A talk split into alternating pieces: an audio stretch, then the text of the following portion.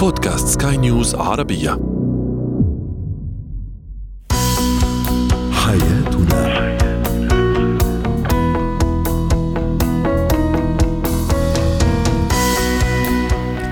مستمعينا الكرام أهلا بكم. معنا إلى حياتنا برنامجكم اليومي الذي يعنى بشؤون الأسرة وباقي الشؤون الحياتية الأخرى والذي يمكنكم الاستماع اليه عبر منصة سكاي نيوز dot com slash podcast وباقي منصات البودكاست الأخرى. معي أنا أمال شاب. نتحدث اليوم عن مؤشرات أو علامات قد توحي بأن أو قد تدل عفوا بأن الخطيب ليس هو الشخص المناسب لإتمام آه، طبعا الخطوبة وبالتالي ليس هو الزوج المناسب مستقبلا.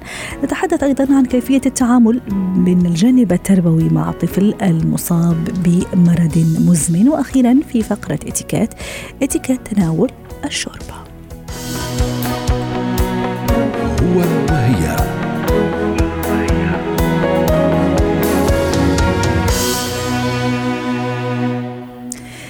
تحدثنا في مرات كثيرة عن فترة الخطوبة وقلنا بأنها فترة مهمة جدا تحدد ربما العديد من الأشياء سواء من قبل الفتاة أو الشاب. نتساءل اليوم ما هي ال- المؤشرات التي تدل على أن هذا الخطيب ليس هو زوج من المستقبل المناسب لهذه الفتاة. للحديث عن هذا الموضوع تنضم إلينا عبر الهاتف من بيروت ميسون حمزة الاستشارية النفسية والتربوية. يسعد مساكي دكتورة ميسون. ما هي هذه المؤشرات التي إذا ما ظهرت أو تكررت بشكل مبالغ فيه قد تدل على أن هذا الخطيب ليس هو الزوج المناسب لي مستقبلا. أهلا وسهلا بك وبالمستمعين دائما. طبعا قبل البدء عن تكلم ما هي السمات أو المظاهر ولكن يجب القول بأنه تبقى هذه المؤشرات والمظاهر نسبية. يعني آه، ما قد تعتبره فتاة أو أسرة. بالنسبة للمتقدم للزواج من ابنتهم أمر غير مقبول قد تعتبره أسرة أخرى. أمر مقبول وذلك وفق المعايير والنمط الثقافي والاقتصادي ومنظومة القيم السائدة داخل هذه الأسرة.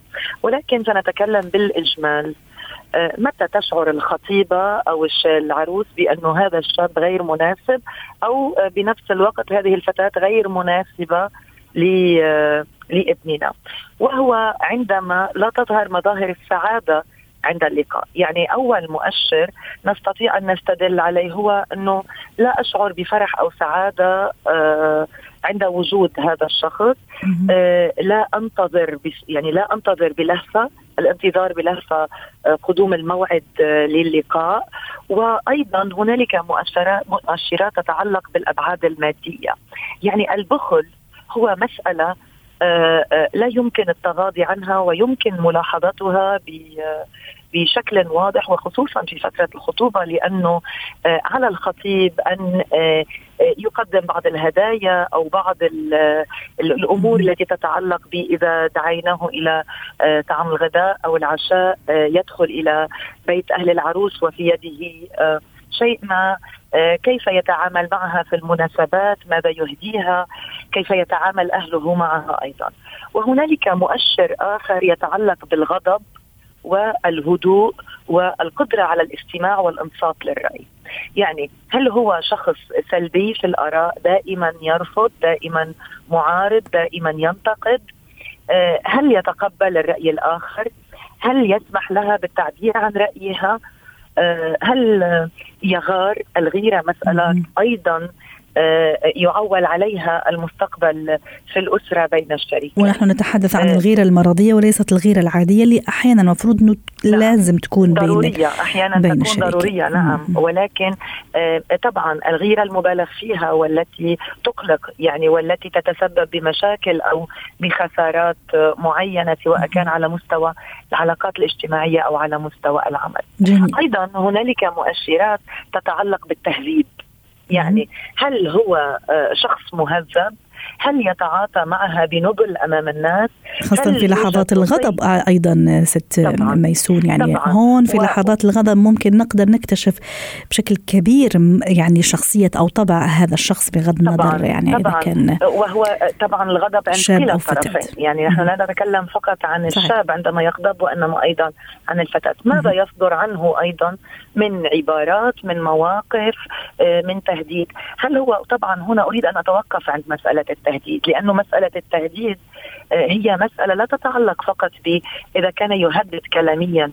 هنالك التهديد النفسي والتهديد المعنوي الذي دائما يهزأ أو آه، آه، يوجد فيه سوء تقدير وسوء احترام للآخر ولقيمة الآخر ولطاقات الآخر. جميل. هل هو إنسان مساعد؟ يعني يفرح لنجاح؟ شريكه شريكته أو هي تفرح لنجاح شريكها. هل هو إنسان متعاون؟ يعني هل يعاونها؟ هل هو متفهم؟ التفهم مسألة مهمة جدا هل يتفهم المناسبات هل يتفهم الأوضاع الحرجة. هل يتفهم الضغوطات هل هو أيضا شخص مسؤول؟ هل هذه أيضا من أهم المؤشرات اللي أنا ك- كفتاة لازم أركز عليها ولازم ألاحظ أيضا اذا طبعاً، هذا هذا الخطيب طبعاً. هذا الشريك المستقبلي آه، شخص يتحمل مسؤوليته صح ولا لا؟ طبعا. طبعا. المسؤولية التخطيط للمستقبل آه، آه، كيفية مناقشة الأمور كيفية إيجاد حلول لل- للمسائل المختلفة كيف يتعاطى مع المشكلات المستجدة آه، وخصوصا في فترة التحضير يعني التحضير للاحتفال وللزواج هل يتخذ الأمور بجدية؟ هل هو إنسان جدي؟ وهنا الجدية تختلف عن إذا كان دائما يجب أن يكون جدي، طبعا كلا، يجب أن يكون مرح ومتفهم ولديه روح النكتة، ولكن الجدية هي في تحمل المسؤولية وجدية في التعاطي مع القضايا المصيرية. وأيضا موضوع الأنانية حتى نختم أستاذة ميسون قدامنا تقريبا 30 ثانية. ذلك نعم ذلك باختصار. أن أختم مم، به. تفضلي. إلى أي درجة هو مشارك وإلى أي درجة هو أناني. يعني مم. الأنانية تظهر بالرأي الأنانية تظهر بالموقف الأنانية تظهر بالمادة آه، يعني الأمور الاقتصادية والأنانية أيضا تظهر بأنه دائما يريد أن آه، يمشي الأمور التي هو يريدها يسير. الأمور التي هو يريدها دون أن يعطي للآخر حق أو آه، قدرة على النقاش وإدلاء الرأي والمشاركة في صناعة الآراء المختلفة والمواقف. شكرا لك ميسون حمزة الاستشارية النفسية ضيفتنا من بيروت.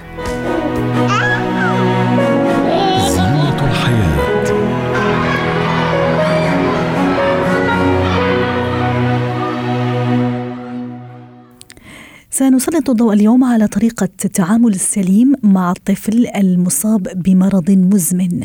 للحديث عن هذا الموضوع تنضم إلينا عبر الهاتف من أبو ظبي الخبيرة التربوية هبة شركسي سعد مساكي أستاذة هبة. من ناحية تربوية كيف أتعامل مع الطفل المصاب الطفل المصاب بمرض مزمن مثلا السكري قلب هذه الأمراض التي ربما قد يولد بها أو قد يصاب بها بعد فترة لسبب أو لآخر كيف أتعامل كما يقال بدون قسوة وفي نفس الوقت يعني من غير دلع بين قوسين. كيف أتعامل مع هذا الطفل من الناحية التربوية؟ آه، من الناحية التربوية علشان أقدر أتعامل مع الطفل المصاب بأي مرض مزمن مهم إن أنا شخصيا جليسة الطفل ده أكون على وعي ودراية بكل الأبعاد بتاعة هذا المرض. ما يكونش عندي توتر وما يبقاش عندي مبالغة. لأن البعض بيسمع مبالغات وبيستقي معلومات وممكن من أشخاص غير موثوق بيهم فممكن يكون هو عنده مخاوف غير حقيقية وبيطلب من الطفل أشياء غير منطقية فده بيخلي الطفل ما بيثقش في في الأم أو في الأب اللي قاعدين معاه في البيت لأن هم شايف إن هم بيبالغوا جدا في حمايته. آه، فمهم قوي نوعية المعلومات آه، وإن المعلومات تكون حقيقية وتكون واقعية حوالين المرض المزمن ده. وإيه المسموح وإيه غير المسموح وإيه المحظور تماما وإيه اللي ممكن بس في حدود. كل المعلومات دي بتكون لازمة لل آه، للشخص اللي بيكون عنده أطفال ممكن يكونوا عندهم مشاكل آه، صحية مزمنة. النقطة الثانية إن آه، يبقى عندنا آه، جروب دعم أو يكون عندنا مجموعة دعم. عندهم أطفال عندهم نفس المشكلة لأن الطفل بيحب يحس إن هو مش لوحده. وإن في أطفال زيه عندهم نفس المشكلة دي. آه وعادة الأطفال مثلا اللي عندهم سكري اللي عندهم آه مثلا لو بنتكلم على أي أمراض زي أمراض القلب أو مثلا متلازمة داون أو أي أي أي شيء آه عادة بيبقى في جمعيات وبيبقى في منظمات وبيبقى في أشياء بت بتدعم أولياء أمور هؤلاء الأطفال وبتدعم الأطفال نفسهم. لكن هذه المتلازمة ست هبة يعني ألا تعتقدين أنه okay حلو أنه يكون في في مجموعة بتشبهه على الأقل يعني في, في من ناحية هذا المرض اللي هو مصاب به. لكن أيضا ممكن شوي يعني نطلعه من هذا الدائرة ومن هذا المجموعة حتى نحسسه أنه أيضا هو شخص عادي. إصابته بالمرض هذا لا يعني انعزاله أو فقط اختلاطه بناس تشبهه أو بأطفال يشبهوه. هم هو أكيد طبعا بيروح مدرسة وبيكون فيها أولاد مختلفين عنده أقارب عنده إخوات في البيت مش شرط يكونوا مصابين بنفس المرض. فهو طول الوقت بيختلط بناس أصحاء مختلفين عنه. أنا بتكلم على إن يبقى في جروب دعم بيختلط فيه بعض الوقت علشان يوازن إن أنا مش لوحدي في الدنيا اللي عندي هذه الإصابة وفي ناس تعايشوا معاها وممكن يكون حد أكبر سنا منه وحقق نجاحات فيبقى كل الكلام ده بيدعم الأطفال اللي ممكن يكون عندهم أمراض مزمنة آه وبيساعد الأهل وبيدعم كمان الأهل. كمان لازم يبقى في توعية للطفل يعني اللي هو تعالى نتفرج مع بعض على فيديو نشوف إيه اللي هيحصل مثلا لو هو عنده سكري لو أكلت حلويات كتير. طب تعالى نشوف إيه البدايل الآمنة. نخليه هو يبحث عن المعلومة. ما يبقاش متلقي. ويقتنع فيها أيضا ست هبة يعني كثير مهم. ويدعو لها. آه في بعض مثلا الأشياء زي ما يجي لي طفل عنده مشاكل في السمع آه في شركات من الشركات اللي بتبيع السماعات هي بتعمل لهم presentation وبتخليهم هم يقدموه لقرنائهم في الصف. إن السماعة اللي أنا لابسها دي مش عيب ومش إعاقة بالعكس يعني دي نعمة من عند ربنا وبيقدر يتكلم عنها وبيتكلم عنها بثقة بيكسب تعاطف الأطفال تعاطف وليس شفقة تعاطف الأطفال اللي ممكن يكونوا حواليه في البيت أو يكونوا حواليه في المدرسة فدي برضو من الطرق اللي أنا بخلي الطفل يتصالح مع المرض ويتصاحب معاه ويبدأ يتعامل معاه لأنه جزء من حياته عادي وإن هو مش بيسبب له إعاقة وهو ما يبقاش عنده ألم نفسي من من المرض المزمن اللي عنده. جميل. موضوع أيضا إني أخلي له هواية معينة أو احببه في هواية أو اشجعه هو أيضا ممكن عنده هواية أو ميل معين لشيء. إلى أي درجة هذا أيضا مفيد أستاذة هبة في هذا في هذا في هذه النقطة يعني لما يكون عنده هذا المرض المزمن. العلاج بالهواية ده من أهم العلاجات النفسية. يعني إن كل واحد يدور على هوايته ويدور على موهبته ويستغرق فيها وينجح فيها بتخلي كل المشاكل اللي عند أي بني آدم تقل وتتضاءل. هو بيبقى شايفها صغيرة لأن عنده حاجة كبيرة مالية عليه حياته. لكن غياب الهواية وال... والاستغراق في المرض نفسه وفي المشاكل بتاعة المرض خلينا نشوف المرض بحجم غير حجمه الطبيعي وبيعمل إعاقات نفسية. يعني ممكن المرض نفسه ما يكونش معيق. يعني مثلا زي مرض ممكن أحيانا الأهل يكونوا معيقين. الأهل. نفسهم وتعاملهم ومبالغتهم أيوة. في الموضوع هو اللي ممكن يعمل إعاقة. وفي ال... في آخر دراسة نازلة في الأمم في ال... في منظمة الصحة العالمية إن الإعاقات النفسية بتشكل 49% من الإعاقات في العالم وبعضها وهمي. يعني بس إحنا عاملين حواجز نفسية ما بيننا وما بين النجاح. وممكن هذه حتى اليوم رسالتنا للأهالي ست هبة. أحيانا أوكي في النهاية هي أم وأب أكيد هذا الغريزة نحن ما فينا نتخلى عنها. لكن أحيانا نظرات الشفقه نشوفوها في في, في عين الأم هذه أو الأب. ممكن حتى بالكلام قدام أصحابه والناس العائلة إنه دائما مصطلح مسكين يا حرام عرفتي كيف؟ فهذه ممكن لما يسمعها الطفل طبعا. آه صح. صح جدا. كتير من الأهالي هم بيثيروا الشفقة مش التعاطف على أولادهم. فهم لو هم حاسين بالشفقة ناحيتهم لو هم حاسين إن الطفل ده يا حرام ومسكين فبينقلوا الإحساس ده للطفل وبيدوا له إحساس بالضعف. وبعض الأهالي بيكونوا متساهلين جدا وبيوصلوا لدرجة الإهمال. صح. إن مثلا طفل يكون عنده سكري وما بياخدش أدويته بشكل منتظم ما بياكلش الأكل الصحي فبالتالي بيدخلوه في مشاكل ممكن تكون في السمع وفي البصر وفي مشاكل عدم التئام الجروح بسبب إهمالهم آه للمرض أو تساهلهم وتعاملهم مع المرض بتساهل. فلا لا, لا نكون متشددين بزيادة ولا نكون مفرطين وما نحسش بالشفقة لكن نحس بالتعاطف اللي هو إحساس راقي جدا حاسين بيك وبندعمك وأنت تقدر آه تكون أحسن وتكون أفضل وتتعايش مع المرض وتصاحبه. وحتى نختم أيضا ست هبة في آخر نقطة. آه إلى درجة أيضا مهم أني اخليه يشترك أو يشاركني أو أشارك وأنا أيضا إذا مثلا حضرت سندويشاته مثلا وجباته لياخذها للمدرسة حتى هو أيضا يكون عارف وفاهم وفاهم ومقتنع زي ما قلنا وحتى ممكن إخواته يشاركوه في هذا الموضوع. هو ممكن يشارك وطبعا يعني يشارك معانا في كل هذه الأشياء ويشارك في اختيار رياضة مناسبة له. أها إذا كان المرض يسمح له. مناسبة له. يعني هو يختار lifestyle يناسبه. ممتاز. انت مختلف ولست متخلف فانت تقدر تختار ال lifestyle اللي يناسبك أو نمط الحياة الكامل اللي يناسبك من أكل وشرب مواعيد نوم أنواع رياضة آه، كل حاجة بتأثر على الحالة المرضية بتاعته فهو بيختار لنفسه lifestyle يكون مناسب وجميل إن إحنا نوعي الإخوات يعني في دعم اسمه دعم الإخوة إن إحنا نوعيهم إزاي هم يتعاملوا معاه وإزاي هم يساعدوا الأهل وكمان مهم في النهاية إن يكون الأهل بيتبادلوا الأدوار علشان اللي بيرعى إنسان مريض هو نفسه بيستهلك فبيحتاج إن هو يتبادل الأدوار ويريح من وقت للتاني. شكرا لك هبة شركاس الخبيره التربوية ضيفتنا من أبو ظبي على هذه المشاركة. اتكات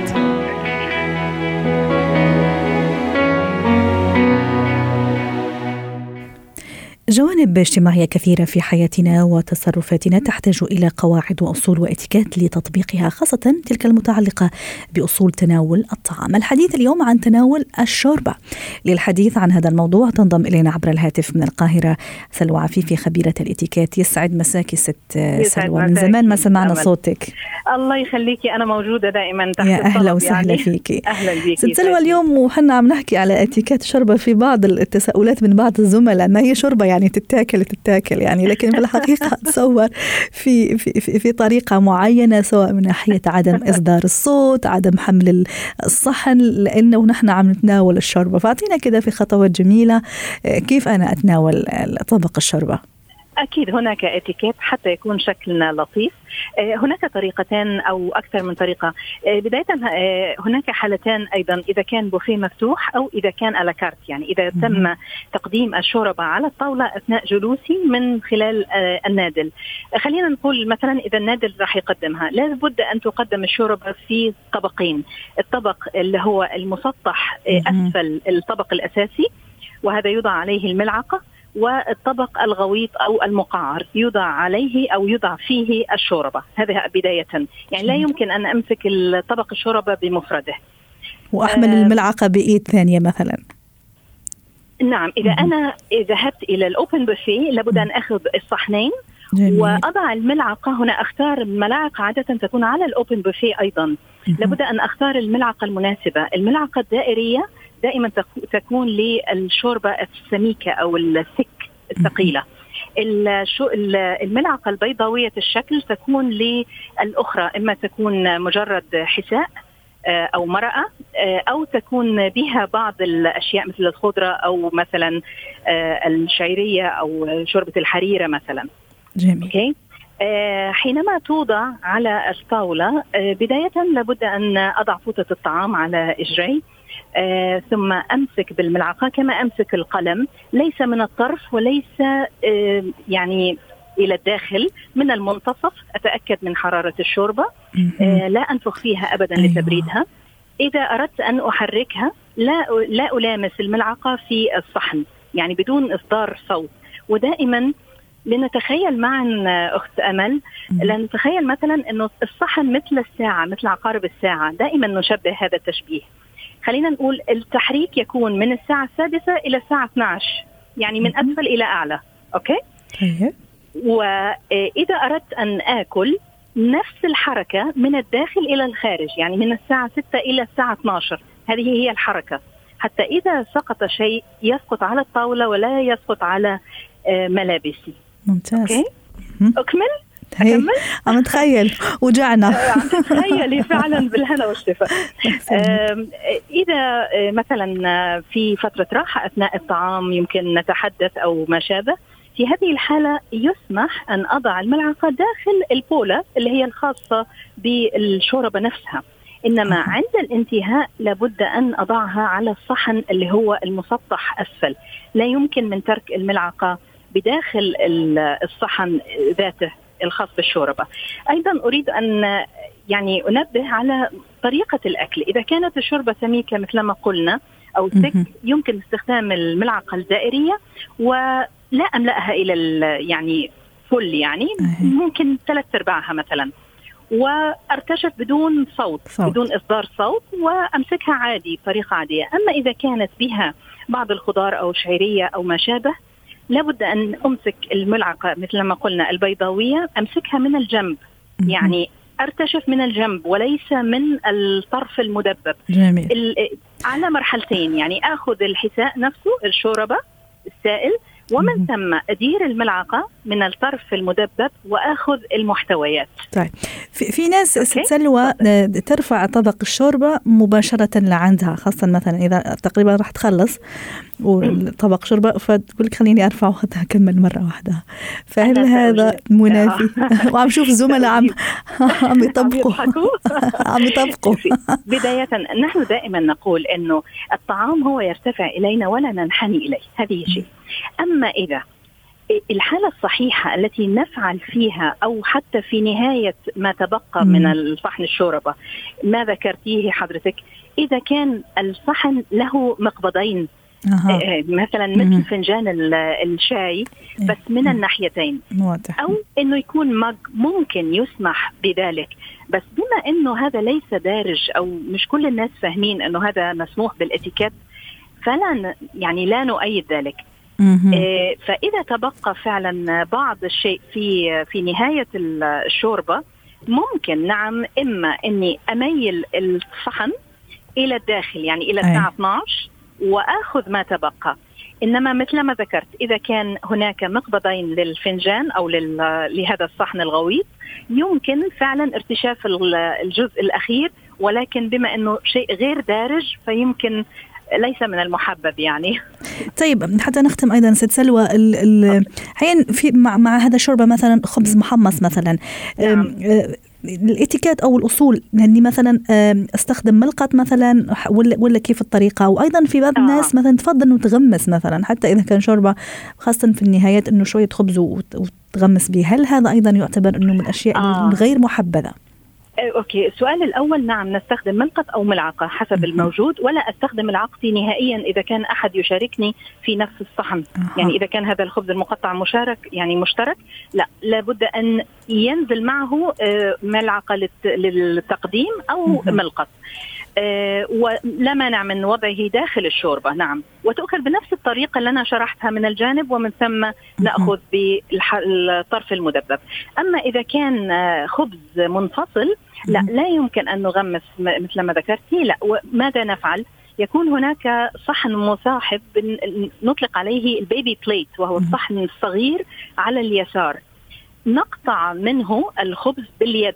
الخبز لا يقطع بالسكين يقطع باليد ويقطع يعني آه على قد آه اللقمة يعني على أها، قد قطع قطمه صغيرة. ال- الفم. نعم. قطعة قطعة. واضح. وباليد الأخرى نرتشف ال- الحساء بالملعقة. شكرا لك سلوى عفيفي خبيرة الاتيكيت ضيفتنا من القاهرة ويسعد مساكي. ختام برنامج حياتنا. شكرا لكم وإلى اللقاء. حياتنا